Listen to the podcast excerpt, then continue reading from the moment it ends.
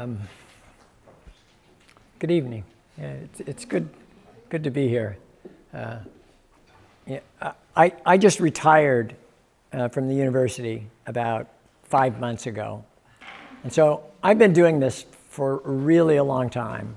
And you would think that after doing this, you know, 100, 500, 1,000 times, that, you know, it would just be you know, all Zen all the time, but no.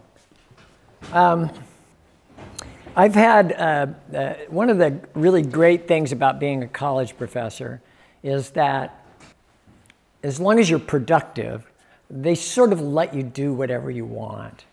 Um, and uh, so I've had the really, really good fortune of having a career where whatever was most wildly interesting to me, that I could just pursue that.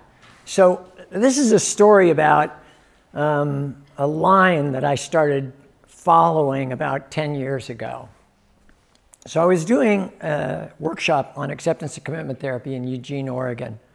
And uh, that has been kind of one of the main research efforts that I've engaged in in my career. And I had the very good fortune to have my first evolutionary biologist um, at uh, a workshop for acceptance and commitment therapy. And uh, at the time, uh, uh a friend of mine who does uh, uh, child health, um, adolescent risk research, um, Tony Biglan, what Tony was doing is he was conspiring to put David and I, David Sloan Wilson and I, in the same room. And David asked me this question, and the question was do you think about psychology uh, from the perspective of evolution science? And my first re- response was a little defensive. I was sort of like, well, of course I do, you know, science guy, uh, evolution, good. Uh, um, but I knew that I wasn't, that, that there was something about the question he was asking me that I wasn't answering, you know, that I wasn't responding to. And, uh, you know, I started to reading David's books on evolution science and other evolution science books, and I just couldn't um, uh, quite put it together.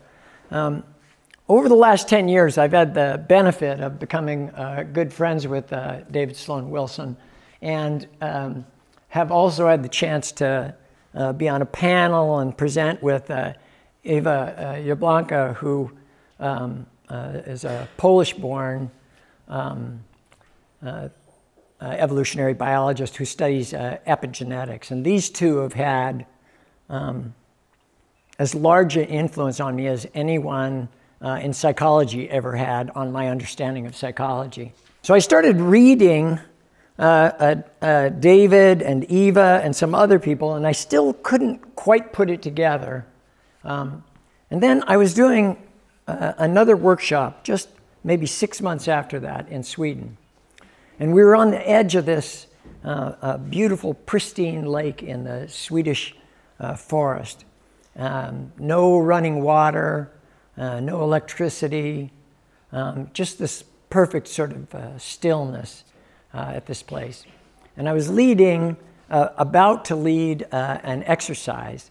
And the therapeutic work that I've done is value centered work. So it sort of recognizes that doing therapy involves a lot of hard work and people facing into things that are difficult to face into, um, people moving in their lives in places that make them profoundly uncomfortable, anxious, afraid, um, and that people shouldn't do things that are painful unless there's a good reason for them to do those things.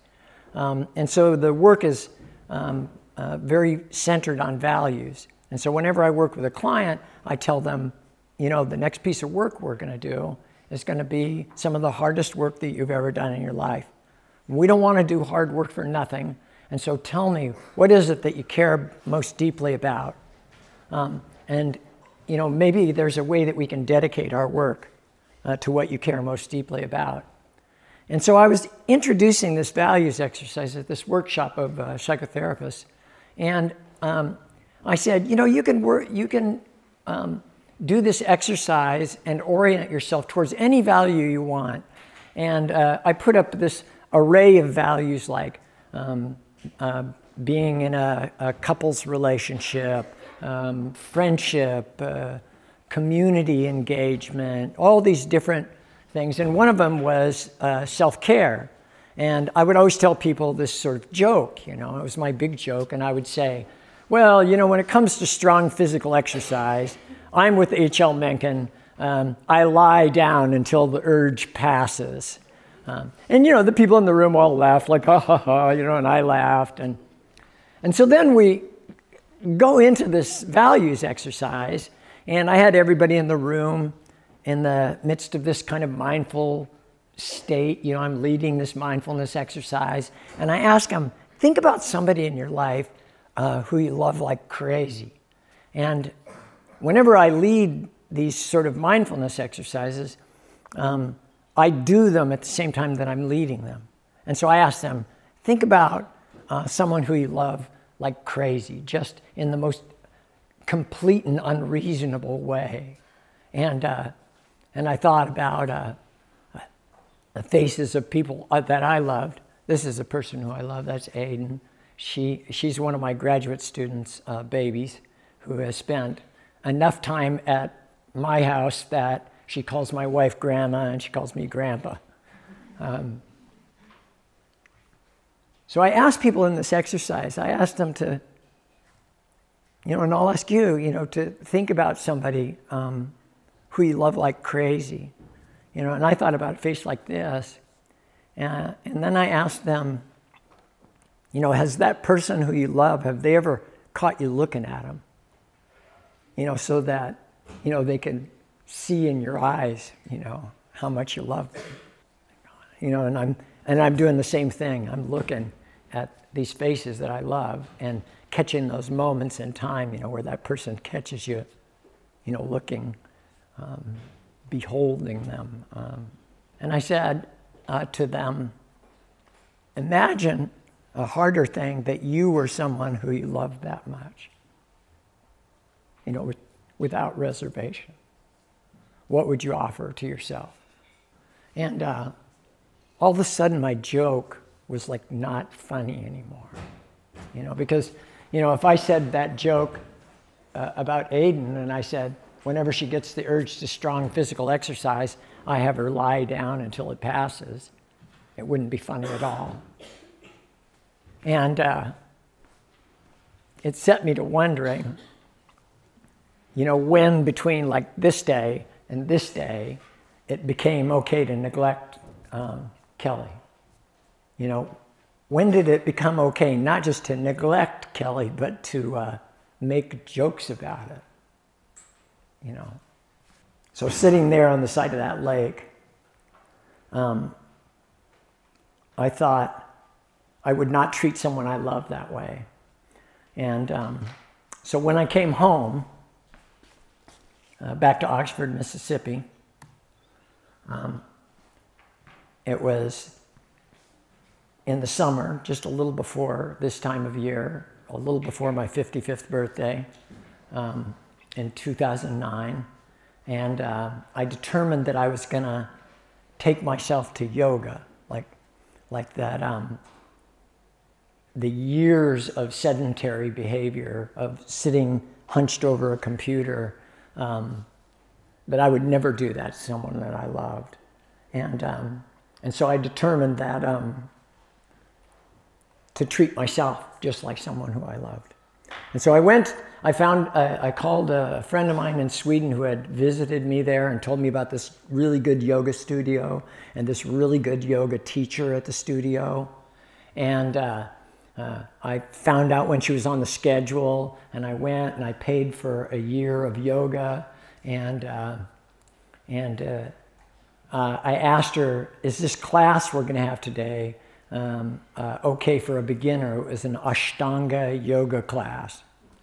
Now, if you know anything about yoga, Ashtanga yoga is a, a particularly vigorous yoga practice that um, was designed for adolescent boys and not for 55 year old men, you know, who are like a little paunchy and, and extremely sedentary. Um, And she was very sweet, and she said to me, You know, it'll be just fine. And she said, before the class, she said, I just want to show you this one thing. Like, we might be, you know, in a pose, and you might find that the pose is uh, difficult, that your leg starts to shake or something. So I want to show you an adaptation of these poses that you can do at any moment uh, in the class, and it'll be a correct pose for you. And, and then she showed me how to do child's pose. And she said that that is a correct way to do any pose in yoga. The problem is, I couldn't really do that pose because, you know, I had a kind of a obstruction here. And I didn't have enough flexibility in my ankles, you know, and so it was kind of, you know, like child's pose badly, you know.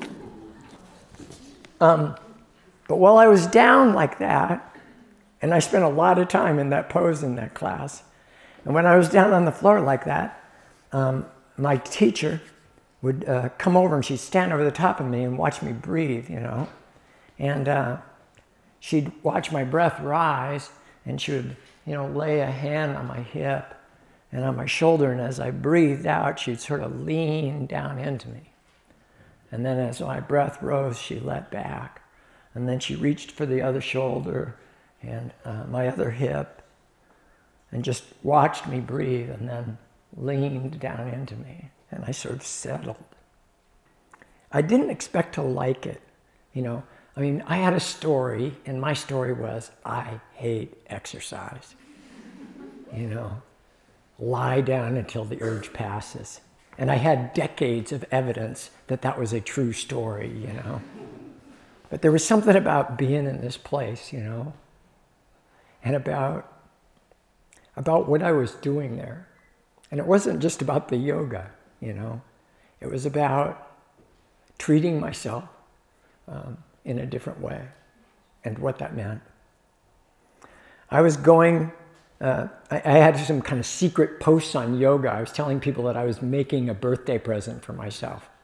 And they were trying to guess, you know, what kind of birthday present I was making. And I said, well, you know, and they guessed things like Prada shoes and like that because I do have a certain affection for expensive shoes. But, but I told them, no, no, it's more like the kind of a birthday gift like a child would make, you know, with popsicle sticks and paper and glue and, you know, coloring, you know, like that.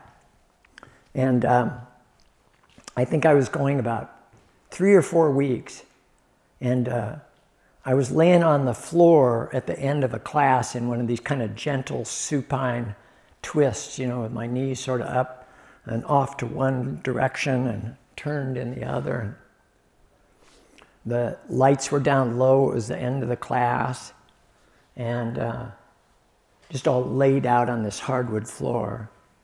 And I looked around myself and I was surrounded by all these people who had taken time out of their middle, the middle of their day um, to take care of themselves, just like someone they loved. And I was one of them. And then I found out that yoga is yet another thing that I can do while crying, which is good. Because I cry doing just about everything. I did not go back to the Ashtanga yoga class for probably another nine months or a year. Um, I started going to classes that were gentle yoga for special needs. And so, you know, people who were like recovering from surgery and, uh, um, uh, uh, you know, women in their third trimester of pregnancy, Stevie likes to tell people I went to the prenatal yoga classes, and people are like, oh, she's like, no, no, really, at the prenatal yoga classes. It was good, you know. What David sent me off into was, you know, when I started to take seriously this idea of caring for myself, one of the, you know, pieces of that was, well, you know, if you got like a new pet, that is like an animal you don't know about, the first thing that you would do is go find out about that animal. So, you know, if it's a dog, well, what do they need to eat and what kind of toys do they need and how much exercise do they need? You find out about them, right? And so I thought, well, if I'm going to take care of Kelly you know, I got to find out like what kind of monkey he is so that I get the right kind of monkey chow. And I sort of became obsessed with finding out like well, what are the optimal conditions for a human being? You know, what, what are the things that we need? Um, and inevitably, that ends up being an evolutionary question. You know, like what kind um, of creature have we uh, uh, become, and what are the, the optimal conditions for that? Now, this, you know, and I did what an academic does when, uh, you know, confronted with something like this. You know, I read and read and read and read hundreds of articles and books, um, but not just about like about psychology, uh, but first about evolution and about genetics, and then about uh, epigenetics and the way that uh, you know that um, you know genes aren't really destiny; that they're malleable. Um, uh, you know, I started reading about um, um uh, nutrition and, and uh, biomechanics and microbiology and physics. I mean, there's just like no I'm a kind of a science nerd. And so I like to get a hold of a thread and I just start following it, you know. So you might wonder, like, how do you end up with physics? Well, I'm learning about movement. And if you start to learn about movement and biomechanics, then you might start learning about joints. And if you learn about joints, one of the things you find out is that most of your joints are these synovial joints. And uh, the synovial joints contain something called um, a non Newtonian liquid. Do you know what that is? I didn't either, you know. So I had to read some like engineering and physics to find out what is a non Newtonian liquid. Now, this is some genius business about what kind of monkey we are. Synovial fluid um, is this substance that, when it's not under load, uh, mechanical load, it's super slippery like a lubricant. But as soon as you put pressure on it, it becomes firm uh, like a shock absorber. And your knees are filled with this, and your hips are filled with this, and you've got 33 or 34 of those uh, joints in each one of your feet. And it means that you know every time you lift off your foot, it turns into a lubricant, and then as soon as your foot comes down, it becomes like a shock absorber. How do those tissues stay healthy? Well, by movement. So you see, you see how it is. I start off as a psychologist, and the next thing I'm reading like engineering and biomechanics and zoo science. I'm reading about animals that are in places that they don't belong and the ways that they get ill when they're in those places. I'm reading about, you know, when we go to study illness in animals, we don't go find the sick ones, we make them sick. Right? Now, I don't want to argue that that's a good idea, and uh, very often I think it's done for very bad reasons. Um, um, but we can learn a lot about what makes us sick by understanding what makes other uh, social mammals sick, for example. My conclusion I ended up having to take a year off uh, from the university uh, just to read because I didn't have time to actually do my job and all of this reading at the same time. So I took a year off and I read and I, uh, got, I took a yoga teacher training. That was pretty fun. There's a guy in uh, evolutionary biology um, uh, named uh, Dobzhansky, and Dobzhansky uh, famously said, Nothing in biology makes uh, sense except in light of evolution. And what David was saying to me, I think, was that nothing in psychology makes sense except in light of evolution. Like, if you want to understand why people do what they do, feel what they feel, think what they think, you need to understand us in the uh, context of evolution the conclusion that I had of reading broadly across modern burden of disease was that um, uh, nothing in the modern burden of uh, uh, a global burden of disease makes sense except understood in light of uh, evolution. Now, if you want to uh, understand why I would say this, you have to start to ask what kills, you know, what kills human beings? And the answer to that question depends on the time frame that you're asking the question. So, what killed human beings for um, millions of, of years? Um, uh, uh, and the, the many thousands of years preceding uh, the modern era was that the world was really out to get us. You know, it broke our bones. You know, some of its creatures ate us if they had the opportunity. It infected us with, you know, various kinds of uh, uh, microbes.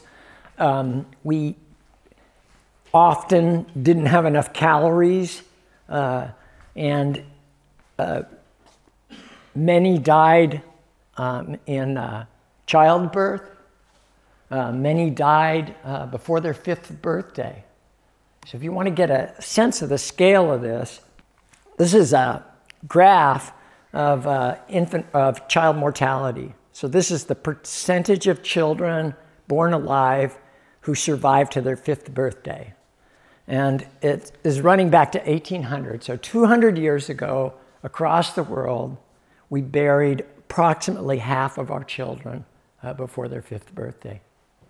Um, 43% is the, the best estimate. Um, right now, the 2015 data, there might be 2017 data on this now, it's 3.9% globally. 3.9 out of 100 instead of 43 out of 100. It's an order of magnitude um, uh, reduction in infant mortality. Maternal mortality is another good sort of marker of this. And here you can see from 1800 to 1940. And if you look at the first part of the graph, we have some data there for Finland. There are some countries that um, we have a much longer stretch of data on. Finland's one of them.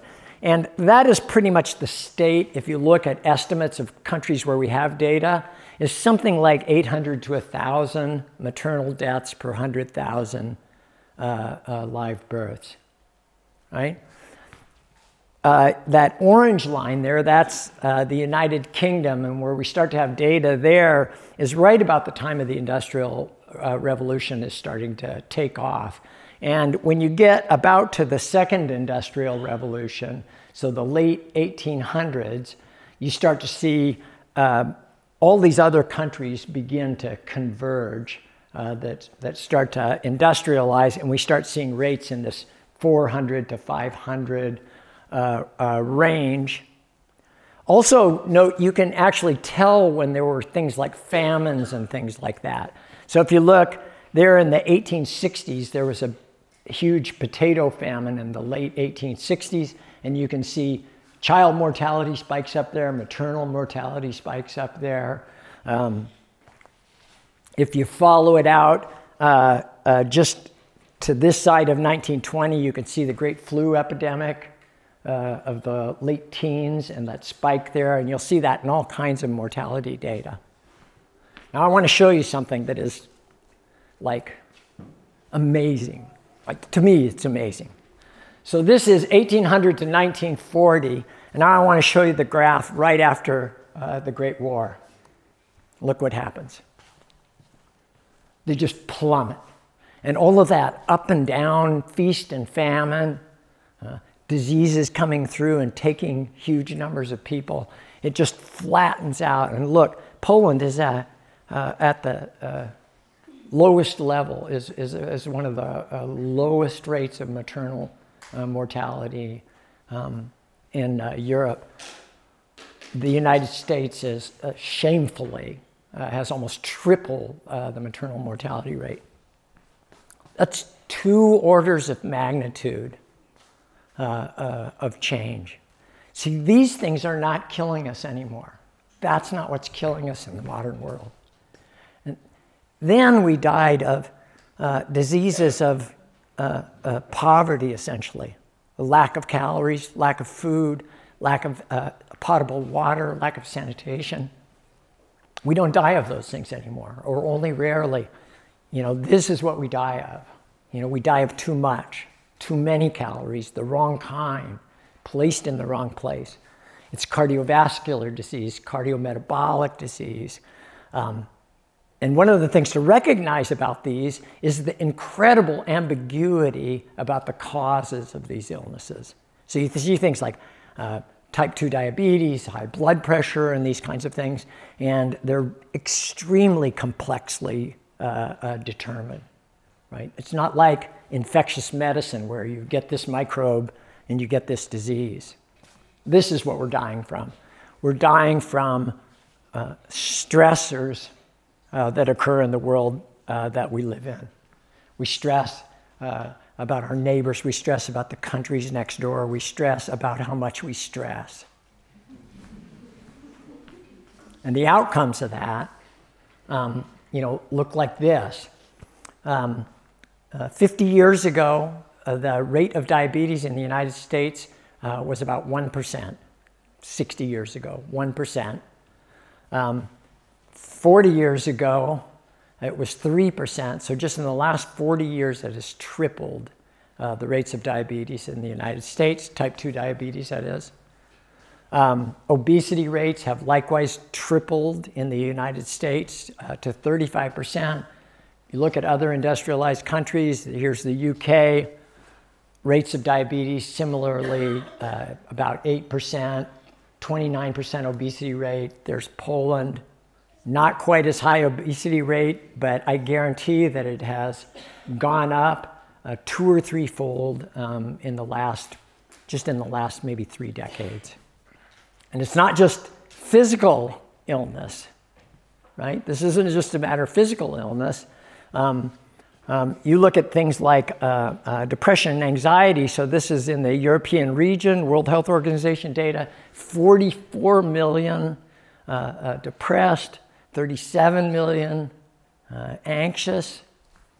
Um, uh, according to the Global Burden of Disease uh, collaborator, so there's a number that they use to talk about the uh, societal burden of different uh, diseases, and one of the metrics is what they call years uh, lost to disability. So, not necessarily people who have died, but people who have uh, chronic illnesses that are taking away from their ability to function uh, fully in their uh, lives. Um, mental illness is number two cause of years lost to di- disability globally. The overwhelming uh, bulk of that is uh, depression. Certainly, depression anxiety is about 90% of it. That's not even including uh, substance dependence.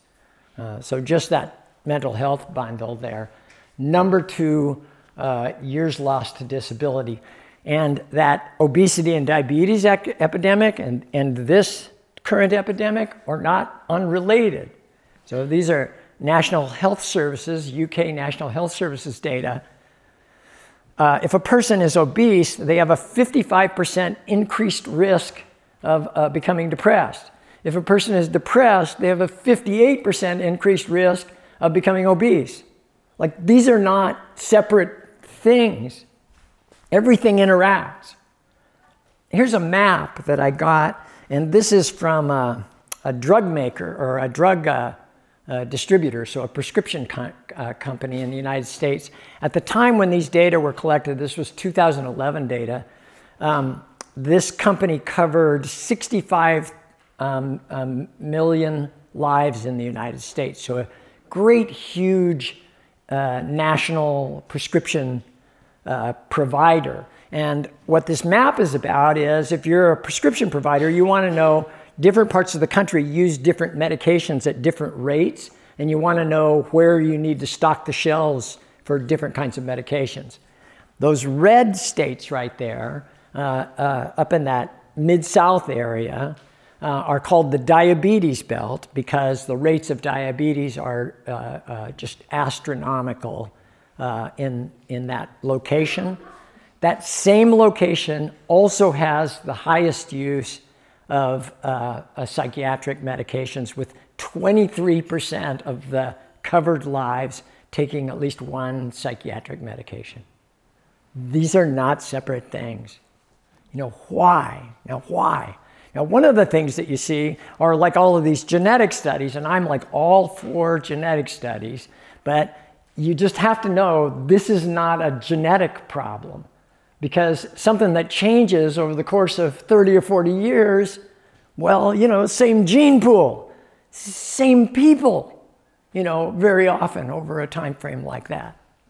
It can't be genes except about the context in which genes uh, uh, uh, are, are finding themselves. I think that the best explanation for the modern uh, burden of disease that we see, and it cuts across uh, cardiovascular disease, uh, metabolic illness, um, mental health. the other one that um, uh, the one that's number one, I said mental illness is number uh, two. Number one is uh, uh back, uh, is musculoskeletal pain, mostly back, neck, and shoulder pain.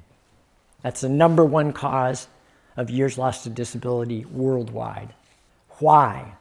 Well, I think that the best argument is for an evolutionary mismatch. Now, what do I mean by that? people have seen the movie Free Willy, right? And the killer whale with, you know, the dorsal fin that's sort of flopped over uh, like that. Well, it turns out that that flopped over dorsal fin um, is almost never seen in wild uh, killer whales.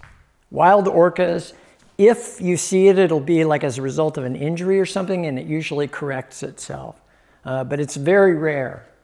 In whales that are in captivity, it's an incredibly common uh, feature that they have that floppy dorsal fin syndrome.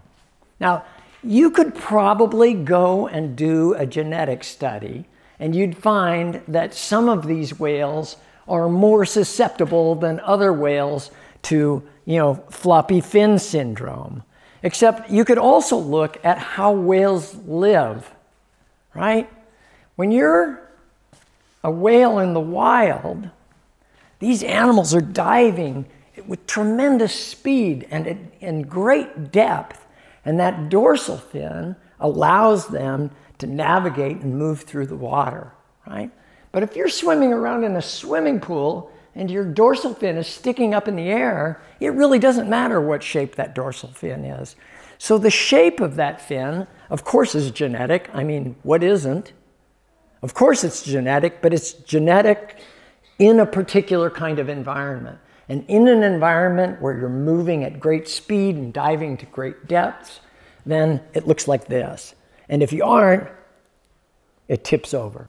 So, this is the project you know, what are the modern diseases of captivity? I started reading uh, the science on uh, zoo kept animals, and there are a whole host of illnesses that you see in zoo kept animals that you never see in uh, wild types of the same, uh, uh, the, same animals. So, for example, gorillas in zoos will often get uh, cardiac disease and die of cardiac disease very young.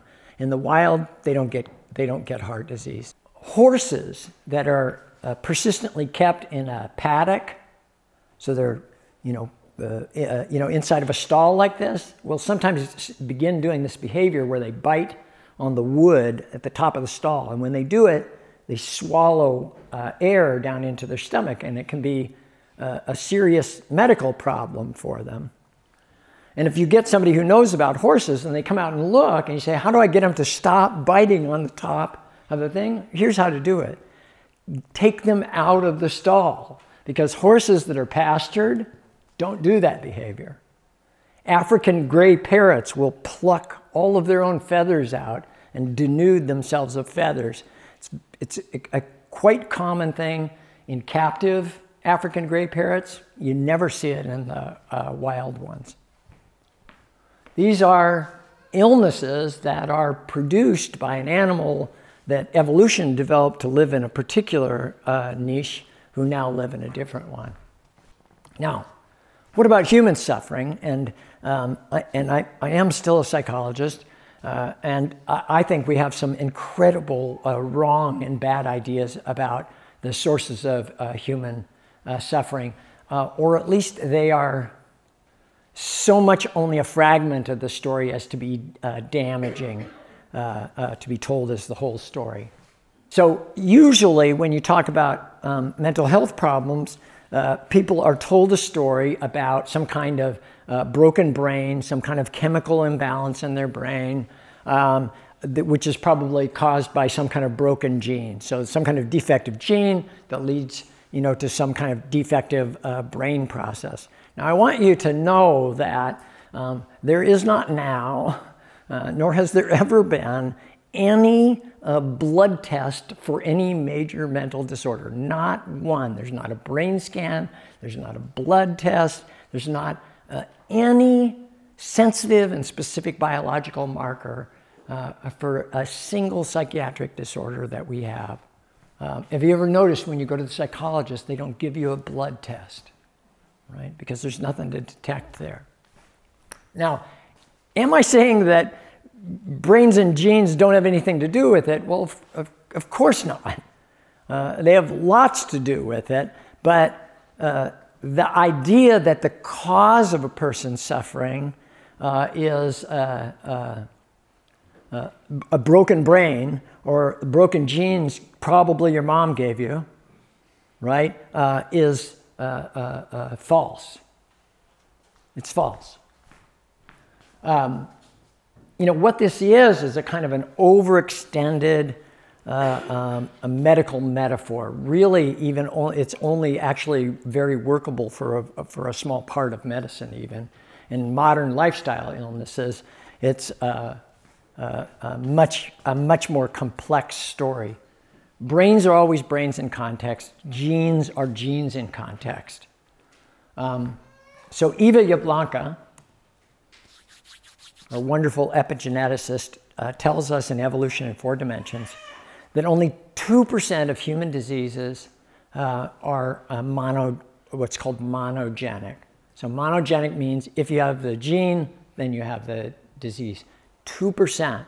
So that means the other 98% uh, of uh, uh, human diseases um, are caused by uh, multiple streams of causation, some of which um, are certainly genetic.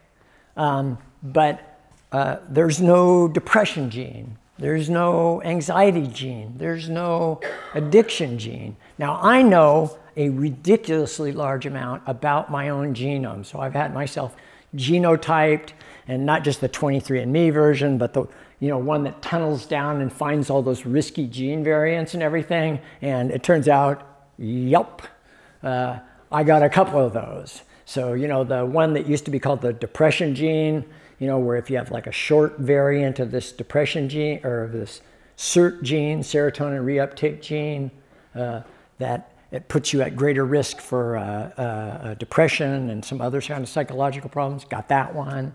Uh, but is that one a determinant of people uh, becoming depressed? Turns out no. Uh, in fact, um, a woman named Kaufman did a study of people with this particular genetic variant that I have that um, looks like it might be a risk factor for depression. She took children that had a kind of double whammy. So they had the risky gene variant, plus they also had a home life that was so disrupted that they had to be permanently removed from their parents' home. So uh, it was violent enough, or chaotic enough, or impoverished enough in some regard that they had to be permanently removed. So all the kids um, have these two things in common which is this risky gene variant and, and, and a, a, harsh social environment. So this sounds like a perfect kind of stress diathesis sort of a, a, a situation. What she found out, though, was that she asked lots and lots of questions as she followed these kids through their development. And one of the questions she asked was Did the birth parents have any regular contact with the child as they were growing up, even though they didn't have custody? And if the birth parent had regular contact with them, defined in a very meager way, one time per month while they were growing up, if that was true, it erased 80% of the risk conferred by that gene. 80% of the risk, just by that little bit of social goodness. You know, that day when you're sitting at home wondering why your parents left you and they come that day you know, in the next month and the next month after that. Just that little, little bit. Now, some of the uh, science on that SERT gene suggests that what that gene may code for is social sensitivity. And that uh, the people who have these short variants of that social or of that SERT gene uh, seem to be a little more sensitive to social contingencies. And what it means is they're easier to hurt, but they're also easier to help uh, through social goodness. There's lots of examples that are just like this. The FTO gene is a, a gene that uh, predicts obesity in the Framingham Heart Study. So it was a big heart study, um, uh, took place over the course of 40 years. And what they found was that the FTO, this particular variant of the FTO gene, predicted obesity, but only in people born after World War II. For the people who were born prior to World War II in the data set, it uh, wasn't predictive of obesity at all. So, wait a minute, is it a risk gene? Is it a risk factor? Mm, if it's 1930, no. You know, if it's 1960, yes. I mean, the gene didn't change. It's the same gene, right? But something changed, right? The world changed. The whole world changed. Let me give you one more example of the malleability of uh, genes to give you the sense that genes are genes in context. I actually was profoundly uninterested in genes before I got connected up with David uh, and uh, Eva. Um, and the reason, I, you know, when I wrote my sabbatical plan, I wrote this crazy, you know, 20 page single space sabbatical plan to my chair, telling him all this stuff I wanted to read and writing about epigenetics and all this kind of thing. And I got home, none of it was about psychology. I got home and he said, I had no idea you knew that much about genetics. And I said, Well, um, you know, I didn't think there was anything I could do about it. you know, like, okay, you got bad genes, now what? You know? But it turns out there's something you can do about it. So here's a guy, Stephen Cole. He studies uh, what's called social genomics, right? So social genomics is this idea that how your genes code um, uh, depends on social context. Um, so a rat is a deeply, deeply social uh, uh mammal. Uh, they say a rat is most at home in a pile of other rats. Um, and in fact, you can model depression and anxiety by isolating uh, rats or exposing them to social hostility. So if you isolate these um, uh, animals where they can't see or hear or interact with uh, other rats, you can then go in and plot their uh, genes. And what you're seeing are heat plots of their genes there. So the top ones are the isolated rats, and the bottom one uh, is a heat plot of uh, the control rats that are living in a colony and hanging out with other rats and doing, you know, what rats do. And what you see there is the red ones are genes that are uh, uh, coding really hot, uh, producing lots and lots of protein, and the green ones are downregulated. So these genes are suppressed, um, maybe entirely silent, um, or, or, or uh, uh, you know, coding for way fewer proteins. And what you see is almost a perfect sort of mirror image uh, in these two. Which genes are there coding uh, for lots? These are pro inflammatory processes, things that have to do with glucose regulation, things that have to do with coding for stress hormones. So, how much stress hormone do you produce? And then, when the stressor is chronic, um, also, uh, like people produce cortisol, right? It's one of the stress hormones. You have a gene called the GR gene that codes for proteins that um, take cortisol out of uh, the system. So it's kind of like your body is in a stressful situation, it spills out all this cortisol. The GR gene codes uh, for proteins that clean up, uh, you know, that uh, cortisol uh, that is uh, systemic under stress. Now, if you get stressed for a long time, the GR genes uh, will look like uh, those green ones down at the end, is it'll start to down regulate them. You know, because if you're in a dangerous or threatening environment, you don't want quick cleanup. You know, when you, you want your baby's born with a head on a swivel and you want to stay, you know, tuned up all the time, you know, ready to uh, uh, fight off uh, an enemy or run from a predator, right? And so what you have on the top here is an animal under this chronic stress whose very genome, which parts are coding and which parts are silence, is being controlled uh, by uh, social uh, interaction.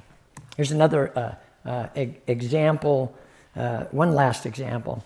Um, this is a study of individuals with mindfulness practices. So, broadly understood, two different studies. Um, they looked at three groups. One group is a group that has had a regular mindfulness practice um, uh, uh, for a long term uh, period. So people with 5, 10, 20 year long mindfulness practice. Uh, another group is a group with um, uh, uh, no mindfulness practice at all. And then one that I think is particularly interesting, I think for us in healthcare, um, is this group, this other third group which is a group that's had a short exposure to some kind of mindfulness uh, based treatment. So, mindfulness based stress reduction, mindfulness based cognitive therapy. They've taken up uh, yoga or Tai Chi or something uh, uh like that. What you see when you look at the long term practitioners uh, versus the non practitioners is differences in the coding of 2,200 genes. Now, that's about 10% of the human genome uh, that is different between the regular meditators and the non meditators. That more interesting group, you see more than 400 genes that are coding differently, even with this very small exposure, you know, maybe 10 or 12 weeks uh, exposure uh, to a mindfulness practice. Which genes? Are being altered, those same genes that are being altered uh, when we see those uh, rats under isolation, except in a reverse fashion.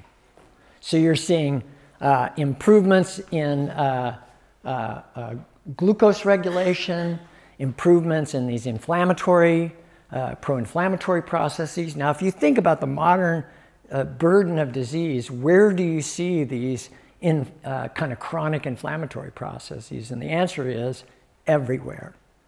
Every mental health condition you can think of, you'll see these kind of heightened pro inflammatory processes, uh, uh, uh, interference in immune function. So it upregulates uh, innate immune function and it actually downregulates uh, adaptive immune function. So uh, uh, uh, innate immune function is kind of a blunt instrument immunity. You know, it's like if you get uh, injured, uh, then you, you know you get anticoagulant, you get extra blood flowing to the injury. Certain hormones are produced that uh, help you uh, survive that. Um, adaptive immunity is your body learning to fight different kinds of pathogens. So you get some kind of a uh, uh, illness, the measles or something like that, your body learns to build antibodies to correct that. When you're under stress, this one goes up and this one goes down. And uh, when you uh, isolate these rats, you get the sort of illness producing version of that. Um, uh, when you get people to uh, sit for a mindfulness practice, you get the reversal of those things. Now, if you think about these things from an evolutionary perspective, it makes perfect sense. If you're under threat and your body has tons of glucose slopping around in it, this is a wonderful thing because every cell in your body knows how to use glucose to produce energy. Uh, you know, no processing required. It is ready to go to work. So having lots and lots of glucose slopping around in your body is great if you're going to have to run, fight, or hide. But if you don't have to run, fight, or hide, it's incredibly toxic and corrosive. Now, there's another piece of context out there that we are suffering under uh, in the modern world that um, uh, is this idea that suffering is itself a disease. And that if you are suffering in any way, pain, uh, uh, uh, uh mental, physical, or otherwise, that that is a sign of illness and needs to be corrected. The great spiritual traditions all know better. Uh, they all know better that suffering uh, is part of living. Now, the other piece of the kind of modern mantra, and we've taught people to do this. Um, you know, uh, baby's got a fever, Tylenol. You got a headache, uh, y- you know, go to the medicine cabinet. Now, this is even in the face of the fact that, uh, for example, antipyretic drugs, most fevers are benign, right? If it's high, then it needs to be uh, managed and lowered. But fevers that are fairly low grade uh, are just not dangerous. Uh, in fact, if you give people medication to lower their fever, uh, this low grade kind of fever, it actually prolongs the illness. So it produces immediate comfort, but long term illness. Uh, same thing in chronic pain, like we're seeing an epidemic of opioid uh, use all over the planet. It produces short term benefits, but in the long term, it produces uh, long term uh, increases in pain and disability. Suffering is not a disease. Uh, and this other piece uh, that, that, we see in the modern world is this incredible demand for uniformity. You know, that people feel like other people and think like other people. This is a, this is a picture of me in the first grade, and that's my grade report from the first grade. And if you could open it up and look inside, what you'd find it would say, uh, Kelly doesn't stay in his seat. Uh, uh, Kelly talks during class. Uh, Kelly, you know, goes around and bothers other students when they're trying to do their work. Uh, you know, Kelly's uh, running all over the place. Now, what do you suppose would happen if I was in school right now? You know, can you see the diagnosis? I'd be lining up with the other kids in the hall to get my ADHD medicine. Now, fortunately, this was like 1960. So, you know, there was nobody taking ADHD medication. They just thought I was bad, you know, and they called my mother and they said, Mrs. Blinko, Kelly is being bad, you know.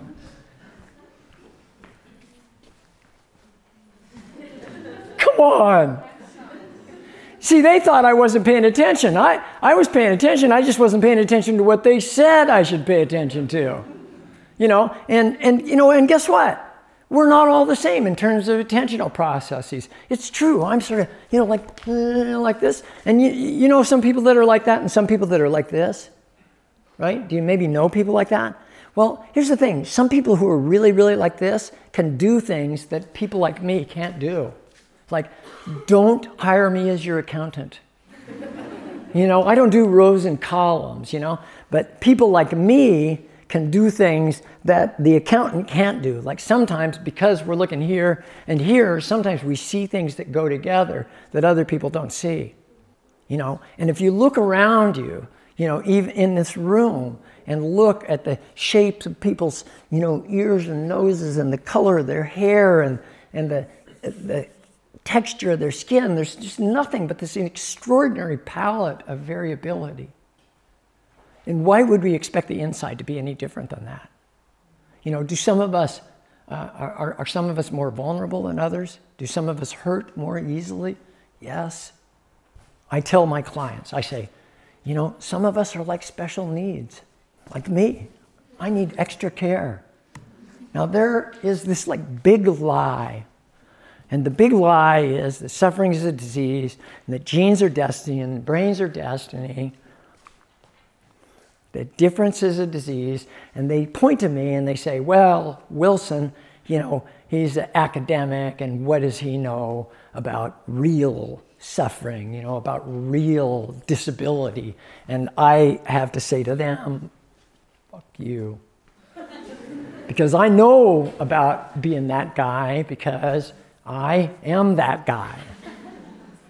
So that's me in uh, 1978. 19, 1979, my wife, uh, my wife Diana took that picture in 1979.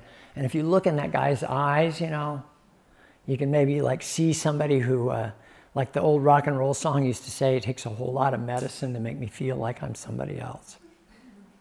And that, you know, that's this guy. Is if I could just get the right mix, you know, I could stand to stay inside of my own skin.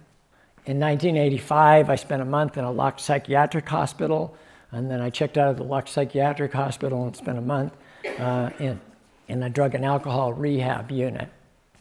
So if people don't think I know up close and personal about suffering, they don't know me. Now, sometimes people think I'm like some kind of a genetic denier or something like that, like I don't believe in genetic risk, and so like let me just lay that to one side. So in my family, I buried my brother Randy in 1987 at the age of 36 by suicide. In 2011, I buried my brother David at age 53 uh, from a massive cerebral hemorrhage.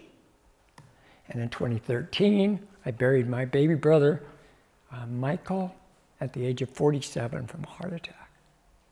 Do you see this epidemic I was talking about here? You know, that has happened over the last 50 years as we've conquered these old killers. These new ones have risen up, and it is home in my family.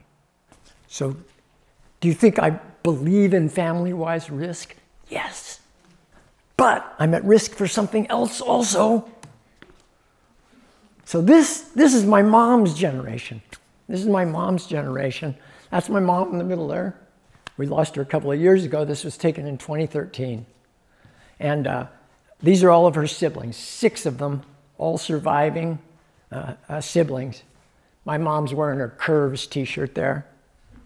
I don't think she actually did any exercise at Curves, but she, you know, liked to talk to people and that. The guy over on the right here the guy over on the right, that's my Uncle Jerry. And back in the 1950s, my Uncle Jerry worked for the telephone company, and they had to climb up those telephone poles, you know? And uh, back in those days, they didn't use like a machine to lift you up there. You had this kind of a big leather belt that you would wear and a spur in each one of your shoes, and you just climb up there. And so my Uncle Jerry, on his 80th birthday, he still has those, and he decided to climb the telephone pole out in front of the house. I don't think my Aunt Edie was very happy about this. See, I'm at risk for this also. Right? In a single generation, same genes. It's a lie. Suffering is not a disease. Difference is not a disease, and you are not broken. Uh, as, as Eva tells us, uh, uh, genes are uh, not destiny. Now, the question is where's the on off switch? Like, where's the thing that buffers uh, that risk? And here's what Stephen Coles has to say about it. He says, This is what a cell is about. A cell is, he, is a machine for turning experience into biology. Every day, as our cells die off, we're having to replace 1 or 2% of our molecular being. We're constantly building and re engineering new cells your experiences today will influence the molecular composition of your body for the next two to three months, or perhaps the rest of your life. Plan accordingly.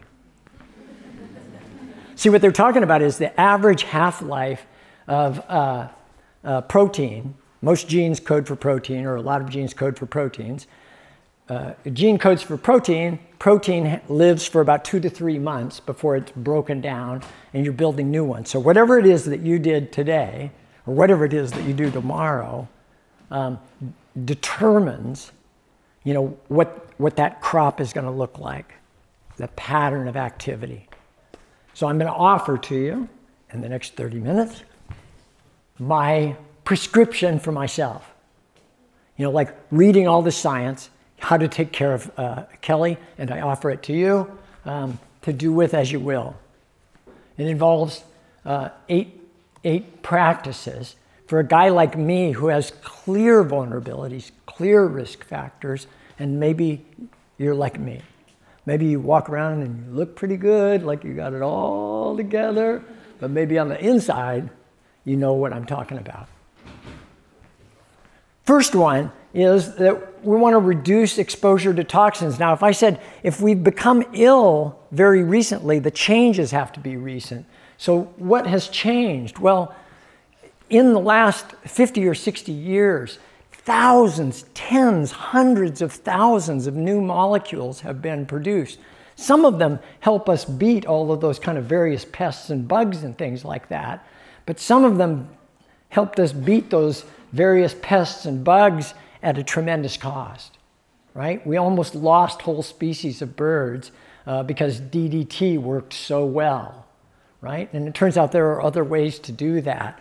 And we have had um, uh, things inside of plastics, uh, uh, uh, endocrine system disruptors, um, molecules inside different kinds of medications, and we have really very little long term knowledge of what the collective burden uh, of that toxic exposure is. One of the things we do know is that you can model Ill- many illnesses in animals by exposing them, uh, like, for example, to BPAs uh, in plastic. If you expose rats to BPAs in plastic during gestation or uh, lactation, you produce uh, these kind of uh, uh, anxious, depressed, prone rats.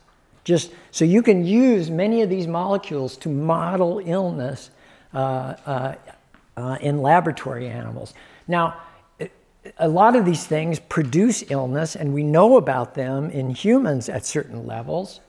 Um, but you know, the good news is we have a pill for that. Um, except, of course, many of the pills produce side effects. But you know, we have a pill for that also, and then a pill for the side effects of that other thing. In the United States right now, 15% of U.S. adults are taking five or more medications for uh, chronic illness.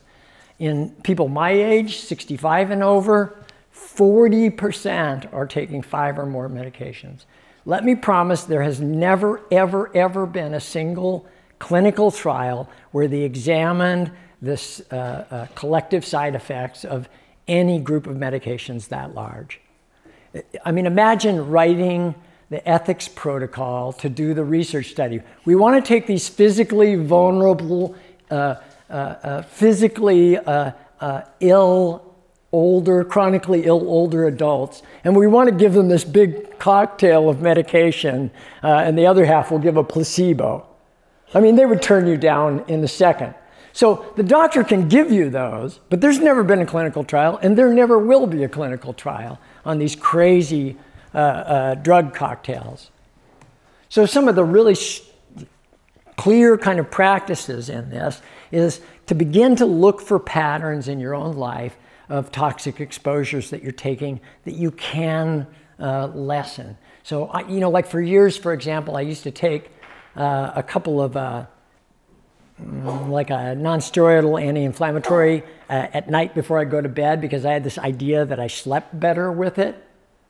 Um, but then, I, you know, I started developing. You know, I, I ended up with GI problems, and then I took medication for that. And then I found out that if you take this medication for that, that you know, that can cause these other problems. And by the way, if you try to stop taking them, like, you know, those med- medicines that do such a great job of stopping stomach acid in your body? You can give those to people with no stomach problems. So, healthy control subjects for eight weeks, withdraw them from the medication, you can produce gastrointestinal uh, uh, symptoms.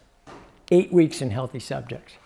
Now, I'm not saying that we should never take these medicines. Uh, but, but to be thoughtful about them and to take the smallest dose possible, you know, over the shortest time frame possible, which is nothing, you know, I'm, I had my life saved by, you know, different kinds of uh, medicine. So this isn't an anti-medicine thing. Lowering the burden of alcohol, uh, uh, uh various kinds of drugs, and I would say in the modern era, uh, unnecessary medication. I mean, we're awash in it. If you go back just a generation, uh, two generations. Like my grandfather, you could not get that guy to take a pill. I mean, you couldn't get him to go to the doctor unless he had a broken bone and it was sticking out of the skin, you know. He didn't trust doctors, you know. And he did, you know, he would take an aspirin maybe or something, but, you know, he was reticent about those kinds of things. And we could use a little bit of that reticence. And the, uh, the marketers of these products, you know, they want us on everything all the time. Move your body. Now, here's an area that has changed dramatically and insanely uh, uh, in the uh, modern era. If you look at uh, primitive humanity for millions of years uh, and the thousands preceding the modern era, you spent your day um, hunting and gathering, and it was hard physical labor all day, every day. Um, and if you didn't, then you were in calorie debt. And even if you did, you might be in calorie debt or just on the edge of calorie debt uh, every single day. If you look at uh, the Hadza in Tanzania, the average Hadza spends uh, about 135 minutes a day in moderate to vigorous physical activity. 135 minutes a day. Now that's not all of them because you know they kitted out the whole tribe with uh, you know measurement devices uh, some of the women are like in their like 60s and 70s that are doing 200 minutes a day of moderate to vigorous physical activity. I mean, they're moving, they're moving all the time.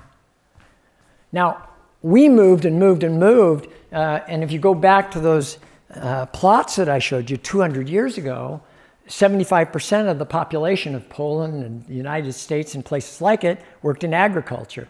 Wasn't like driving a tractor. You know, they're like, you know, swinging a scythe, digging, carrying, pulling, you know, behind a plow.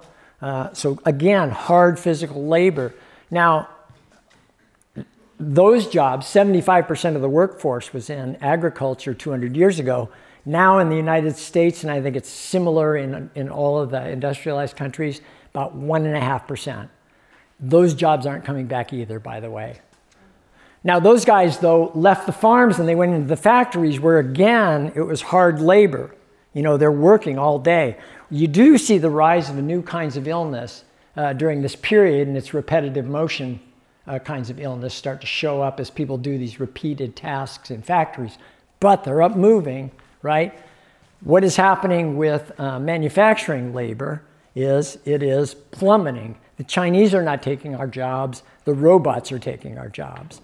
The US has the highest um, industrial output uh, as it's ever had in its history, and uh, uh, industrial labor uh, is uh, plummeting, dropping every day. If you uh, look at something like sedentary behavior, never in human history have so many people earned a living sitting like never in human like and here's the thing is we get really really good at it. Like your body can get really really good at sitting and if it isn't good at it then you can design and buy a chair that makes it even more comfortable to sit right? I mean we have chairs that are designed to make it so that you can sit for like eight hours a day, except here's the problem is that all your muscles and bones and tendons and innervation and vascularization depend on movement. So just because you can sit all day does not mean it's good, right? I have uh, some friends who have, uh, you know, taken me at my word on this, and they've started doing things like they see clients in therapy, and uh, they see clients sitting on the floor. And Bartosz was at dinner last night, and he asked me, "Well, what difference does it make if they're sitting on the floor. And I say, You ever notice what happens when you sit on the floor? It's not exactly comfortable. So pretty soon, you know, you kind of like that a little bit. And, you know, you're moving. You know, guess what's happening here? You know, you're moving. You know, you're loading different parts of your body, different bones, joints, moving things around, and you're aiding vascularization, innervation, uh, and all of these kind of metabolic processes. She went home and sawed the legs off of her dinner table. I don't know what her family thought about that. They now see eat dinner sitting on the ground. Uh, when her clients come, she gives them the opportunity to have their session walking. Now, the good thing is that there's just like some kind of movement that basically anyone can do. You can find this old uh, uh, lady up here, she teaches yoga. She's in her 90s. She lives like in New York. Yeah, baby. I want to be her. I might even buy myself a polyester jumpsuit like that. Small things matter, right? Just, just a little bit, you know, uh, uh, gentle yoga for special needs. The data, the evidence on persistent patterns of movement is spectacular. Like if there's a fountain of youth, this is it. Um, if you look at something like, for example, the uh, uh, data on uh, running, uh, leisure time running. You routinely, in huge data sets, 50, 60,000 people over 15 or 20 years, what you'll see is 45% reductions in cardiac mortality, 30% reductions in all cause mortality. Um, and here's the beauty of it it doesn't matter if you run very far, it doesn't matter if you run very often, and it doesn't matter if you run very fast. If you look at like the people who run really, really fast to the ones who run really, really slow to the ones who don't run at all, and you watch the risk reduction, as soon as you get off the couch, it just drops. You get almost 80% of the benefit, even if you only run once a week, really slow and not very far. Right? Isn't that great? Now, sometimes when people you talk about these data, people say, "Well, yeah, but these people who are running, they're doing all these other kind of healthy activities and everything." But in these big data sets, you can actually ask the data questions about that. And it turns out that if you go in and look just at the smokers, just at the heavy drinkers, just at the people with diabetes, they get even bigger risk reductions. The risk reductions are actually larger for the unhealthy subsets in this population. Now, it doesn't mean that it takes you down to the risk of a non smoker, but it takes you down in risk more than 30%, more than 45%. Now, when I say run, I want you to understand that my own running practice doesn't exactly look like running. It looks like grinning like an idiot. It looks like, you know, when you see a tree down, you know, like my model for my movement practice is an eight year old boy, you know. And so, like, did anybody here grow up in the countryside? Did you grow up in the country, you know, where, where there were woods? If you walked and you saw a tree down like that, would you just walk by it no, you would have to see if you could walk out on that tree, especially if there's a possibility of falling in the water. And maybe you'd like take a friend with you. That's my daughter Emma, and maybe you'd try to catch tiny loads. So this is what I mean by running. And maybe you'd stop and hang from tree branches. And, uh, and this crazy old man has taken up over the last uh, uh, almost five years barefoot running. So I run outside barefoot now in the Sonoran uh, Desert. How about this one? Eat real food. I'm ramping up here. What has changed in that world? Two things I would point to. One is uh, ultra processed food. Basically, anything that you go to the grocery store and comes in a box or a bag, and you turn it over and you look at the ingredient label, and I guarantee you that there are like 20 or 30 ingredients, and you only know what maybe four or five of them are. And the other ones are like long chemical names, you have no idea what they are, right? That plus this other thing, which is called the bliss point. So, modern ultra processed food is engineered for overconsumption.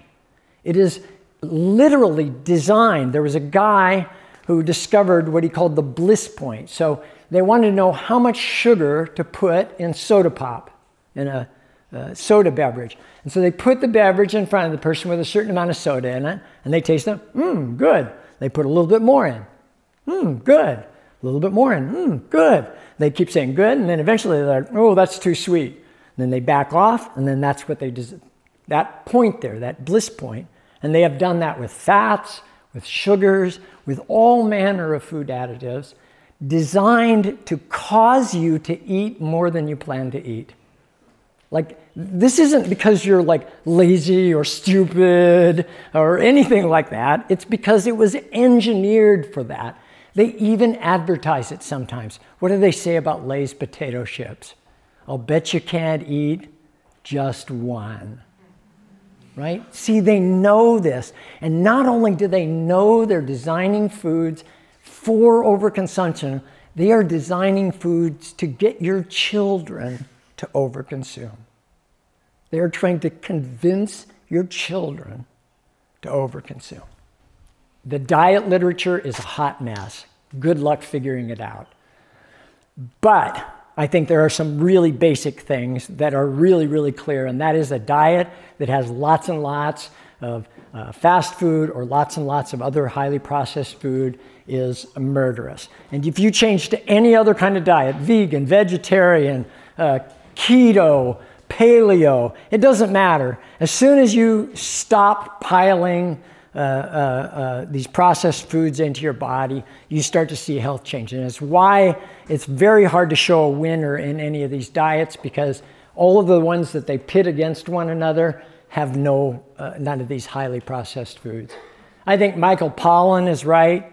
Eat real food, not too much, mostly fruits and vegetables.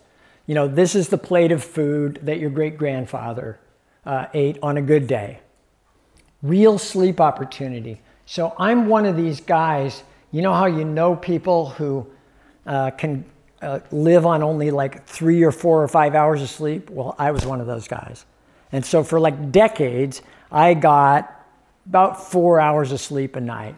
I would wake up at about three in the morning, and uh, I'd, I had this story like I'll never go back to sleep. So I'd just get up, make a pot of coffee, and almost everything I've ever written was written between three o'clock in the morning and about seven o'clock in the morning when everybody started getting up at the house.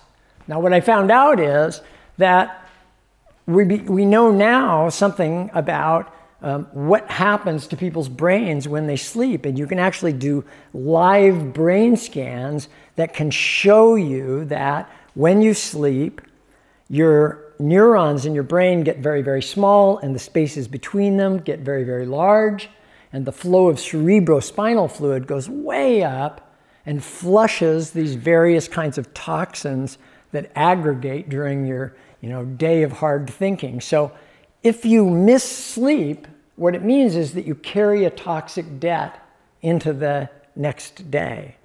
Now, you think about like the developmental uh, uh, implications of carrying that kind of toxic load uh, day by day and look at how wide uh, spread it is. In 1960, only 2% of the US population uh, got fewer than seven hours of sleep a night. 2011, 35%. You know, what changed? Well, everything that regulates sleep has changed, and really, really recently. You know, like when I was growing up, I'll bet you the little house that my uh, uh, two brothers and my mom and I lived in probably had five light bulbs in the entire house. You know, um, uh, could you stay up and watch TV all night? No, because at about midnight, you know, they'd play the national anthem and then it would go you know, to be the test screen until the farm news, you know, in the morning, right? Now, I'll bet you every person in this room has a screen in their pocket where they could watch, you know, TV or news or something like that, uh, you know, forever, right? Everyone, right? The, uh, one of the things that regulates sleep is light and we live in a world where we can have light anytime we want it. One of the things that regulates sleep is temperature. So millions of years we're out, uh, you know, out on uh, living outdoors, and at night it gets cool. And when it gets cool, well, then you want to get in close to your buddies and, you know, get a little close and a little sleep and stay warm. And, and when do you get up? You know, not when the alarm clock goes off. You get up, you know, when it starts to warm up and you know, it gets light. Like the world regulated our sleep, but now we regulate all those things that regulated our sleep. Now, the good thing about these is that we can actually do something about these. We engineered these as solutions to problems that we had, uh, and we can uh, engineer our way out of them. Now, let me uh, uh, uh crank. Uh, by the way, my, my bedtime I, have got sleep data for 10 years on myself, actually. Th- this is just like five years, and you can see that I'm in bed eight to nine hours a day so that I can get seven and a half to eight and a half uh, uh, hours of sleep a night. And I am uh, terrible about policing my sleep. Like, if you're at my house and it's like bedtime, then you're quiet or you're going to get a hotel somewhere.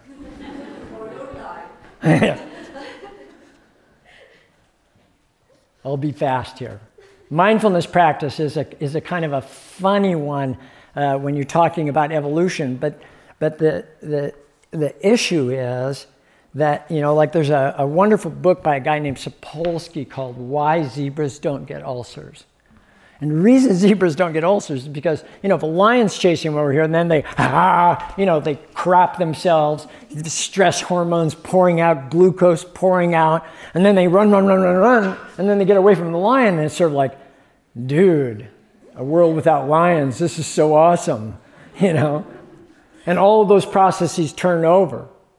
But a human being, right, like, like me, like I'm laying in bed last night you know, I'm in a hotel, you know, uh, I've got enough food to eat, I've got money in the bank, I've got a retirement account, I've got a wife of 40 years, I've got a house, uh, you know, my children have, uh, you know, gone to college, you know, and I'm like laying in bed like, oh, what if they don't like me? What if I blow it? You know, what if, you know, what if, uh, you know, I'm confusing, a hundred people are going to be there, uh, I might as well be in bed with a lion.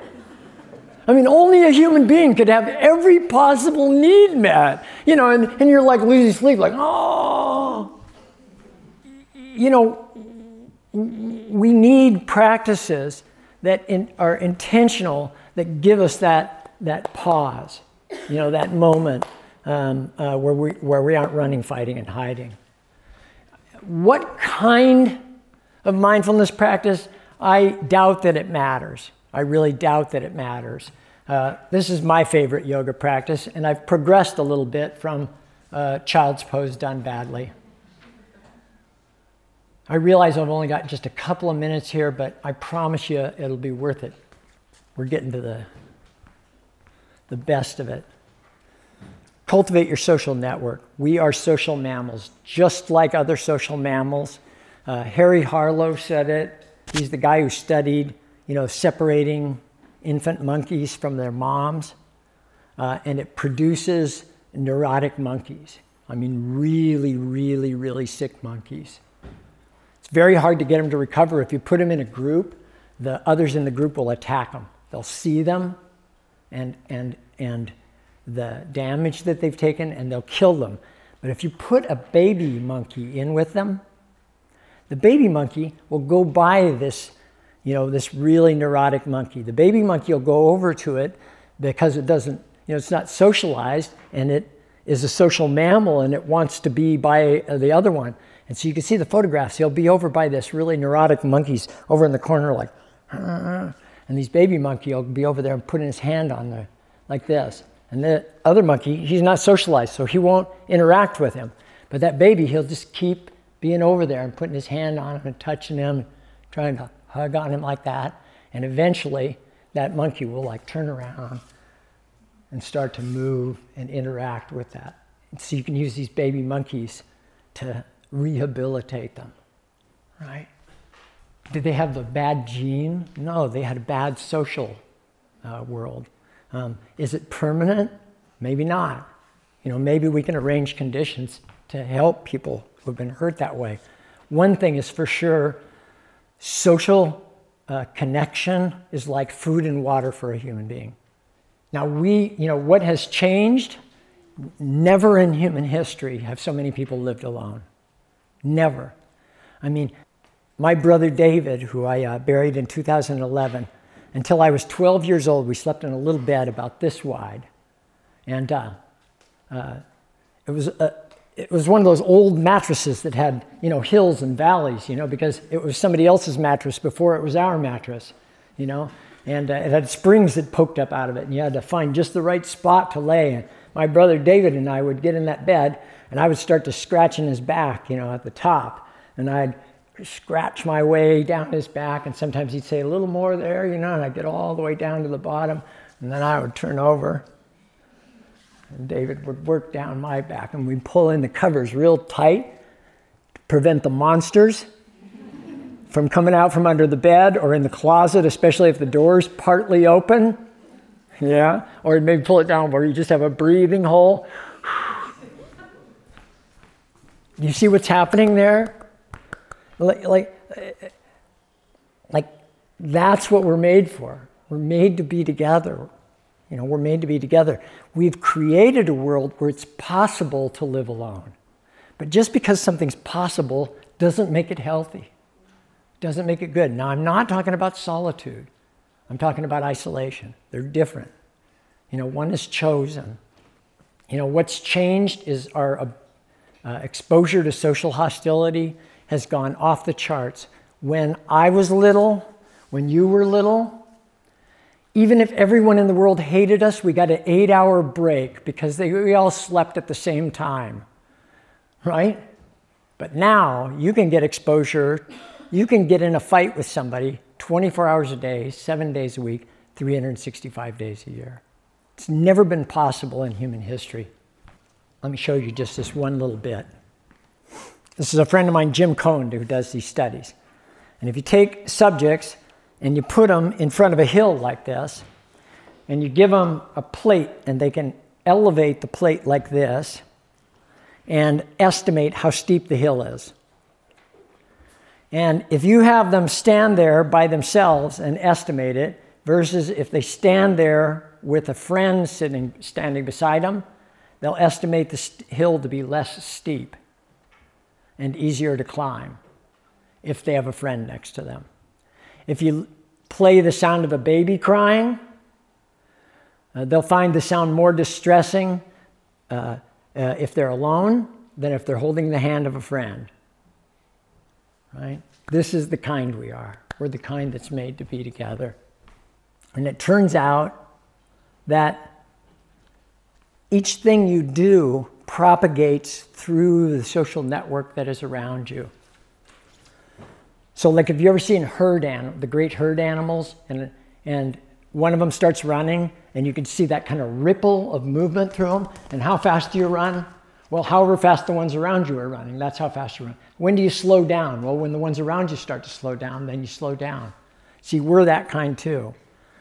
There's an epidemiology that shows that if, if I know you and you know her and she knows him and he knows him and we know his smoking status, you can predict my smoking status. Even if I don't know any of these people, only this one. It turns out that you can predict what books people read, what music they listen to, things like their smoking status, uh, the kinds of food they eat, by knowing about uh, uh, social network and social connectedness. Each thing you do spreads through the network. I like to ask these two questions every day. You know, what have I done to preserve the social network that I inhabit? And what have I put into that social network? So, one is kind of mending, uh, that persistent mending of the social network that we live in. And then the other is what do we put into that social network? What do we add to it? Well, one of the things I've added to it is uh, movement. And, you know, it's spread out to my daughters and to my graduate students and to their children uh, and to people in Italy. Next to last one. I'm really sorry for holding you up, but I am, I'm telling you, I'm close. Next to last one, practice a meaningful act every day. And this is the land where small things matter. Yesterday I went and spent half the day out at uh, Auschwitz and uh, Birkenau.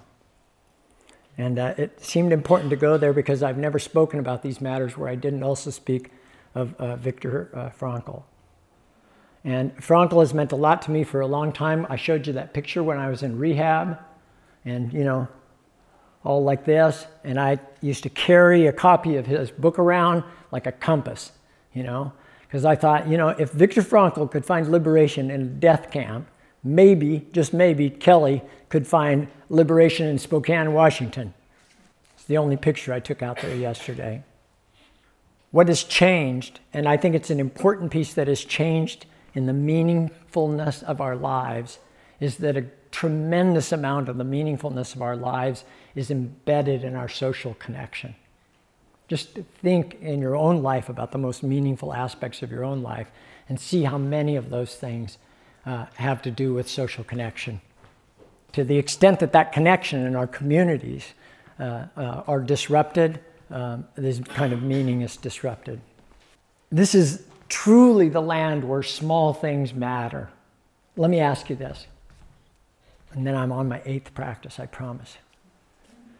So let me ask you this have you ever thought, or can you think of somebody in your life when you were small who loved. Remember, I asked you at the beginning if there was somebody in the world who you loved like crazy. So, can you think of somebody who, when you were small, loved you like crazy? Or maybe somebody right now who loves you like crazy, like just in the most unreasonable way. Can you think of somebody like that who loved you like crazy? And see if you can think for a moment about some moment in your life, something you were doing or a place where you were, when you knew that that person loved you. You know, like where were you? What were you doing? See if you can see it. And maybe you can remember the look in their eyes when they looked at you and you could see it there. And I just want to collect. Could you think of someone like that? Could you? Could you think of someone who loved you like crazy? Who is it? Your mom? And what was the moment you thought of? Well, um, uh, when I asked her to prepare some stuff and she was tired, but she did it. And like it's maybe it's this small thing, but there are many things like that. Yeah. I've asked people this question like in 32 countries uh, over decades, and what people tell you is they tell you about um, in the kitchen with their grandmother cooking, um, you know, riding on the tractor with their grandfather, uh, holding their dad's hand. Um, it's tiny, tiny little things. Here's one. Um, I've been traveling and on the road for many years for long periods of time. And when my children were small, they used to dig in my suitcases when I came home, you know, for like airport swag, t shirts, and things like that from other countries. When they got older, they started uh, writing these messages and they'd put them in like my pockets and my shirts and things like that. So I would be out on the road and uh, uh, I would you know, put on a pair of pants or something, and these little messages would uh, uh, fall out. Literally, tiny little things. You want to see, like one right now, is the person that you thought of when I asked you if there's somebody in the world, you know, who loved you like crazy, is that person still alive? Anybody? Is that person still alive? And if they are, imagine you were to reach out to him tonight and tell them this crazy college professor from the US asked us if we could think of somebody who loved us like crazy. And I thought of you, and I thought of when we used to, and you said that. How would that be? Small things matter. And this last one practice self compassion. You know, what has changed is that in this modern world, we have taught people to make an enemy of their suffering. We've taught people to make an enemy of their differences and an enemy of their complexity. And if you have learned to do that, I would invite you uh, to take a moment and think about some small person in your own world who you love like crazy and see if you can see their face. And imagine if they told you, I don't deserve it.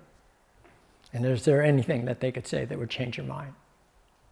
And if you can see their face and those eyes, I want you to imagine one more thing. I want you to imagine that you were someone who you loved that much and what you might offer yourself. See, that's the face of somebody uh, who knows that they're loved. And this question for all of us when did it become okay for you to neglect you? Notice how easy it is to take care of others. And one last slide, and this is a medical breakthrough that I want to offer you. Uh, transmitting kindness to someone you love. Ask your doctor, transmitting kindness might be right for you.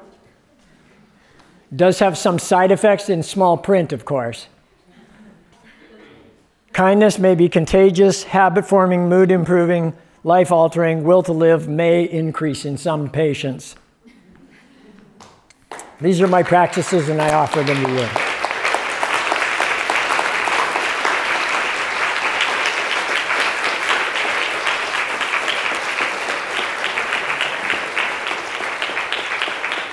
Thank you so much for uh, your patience.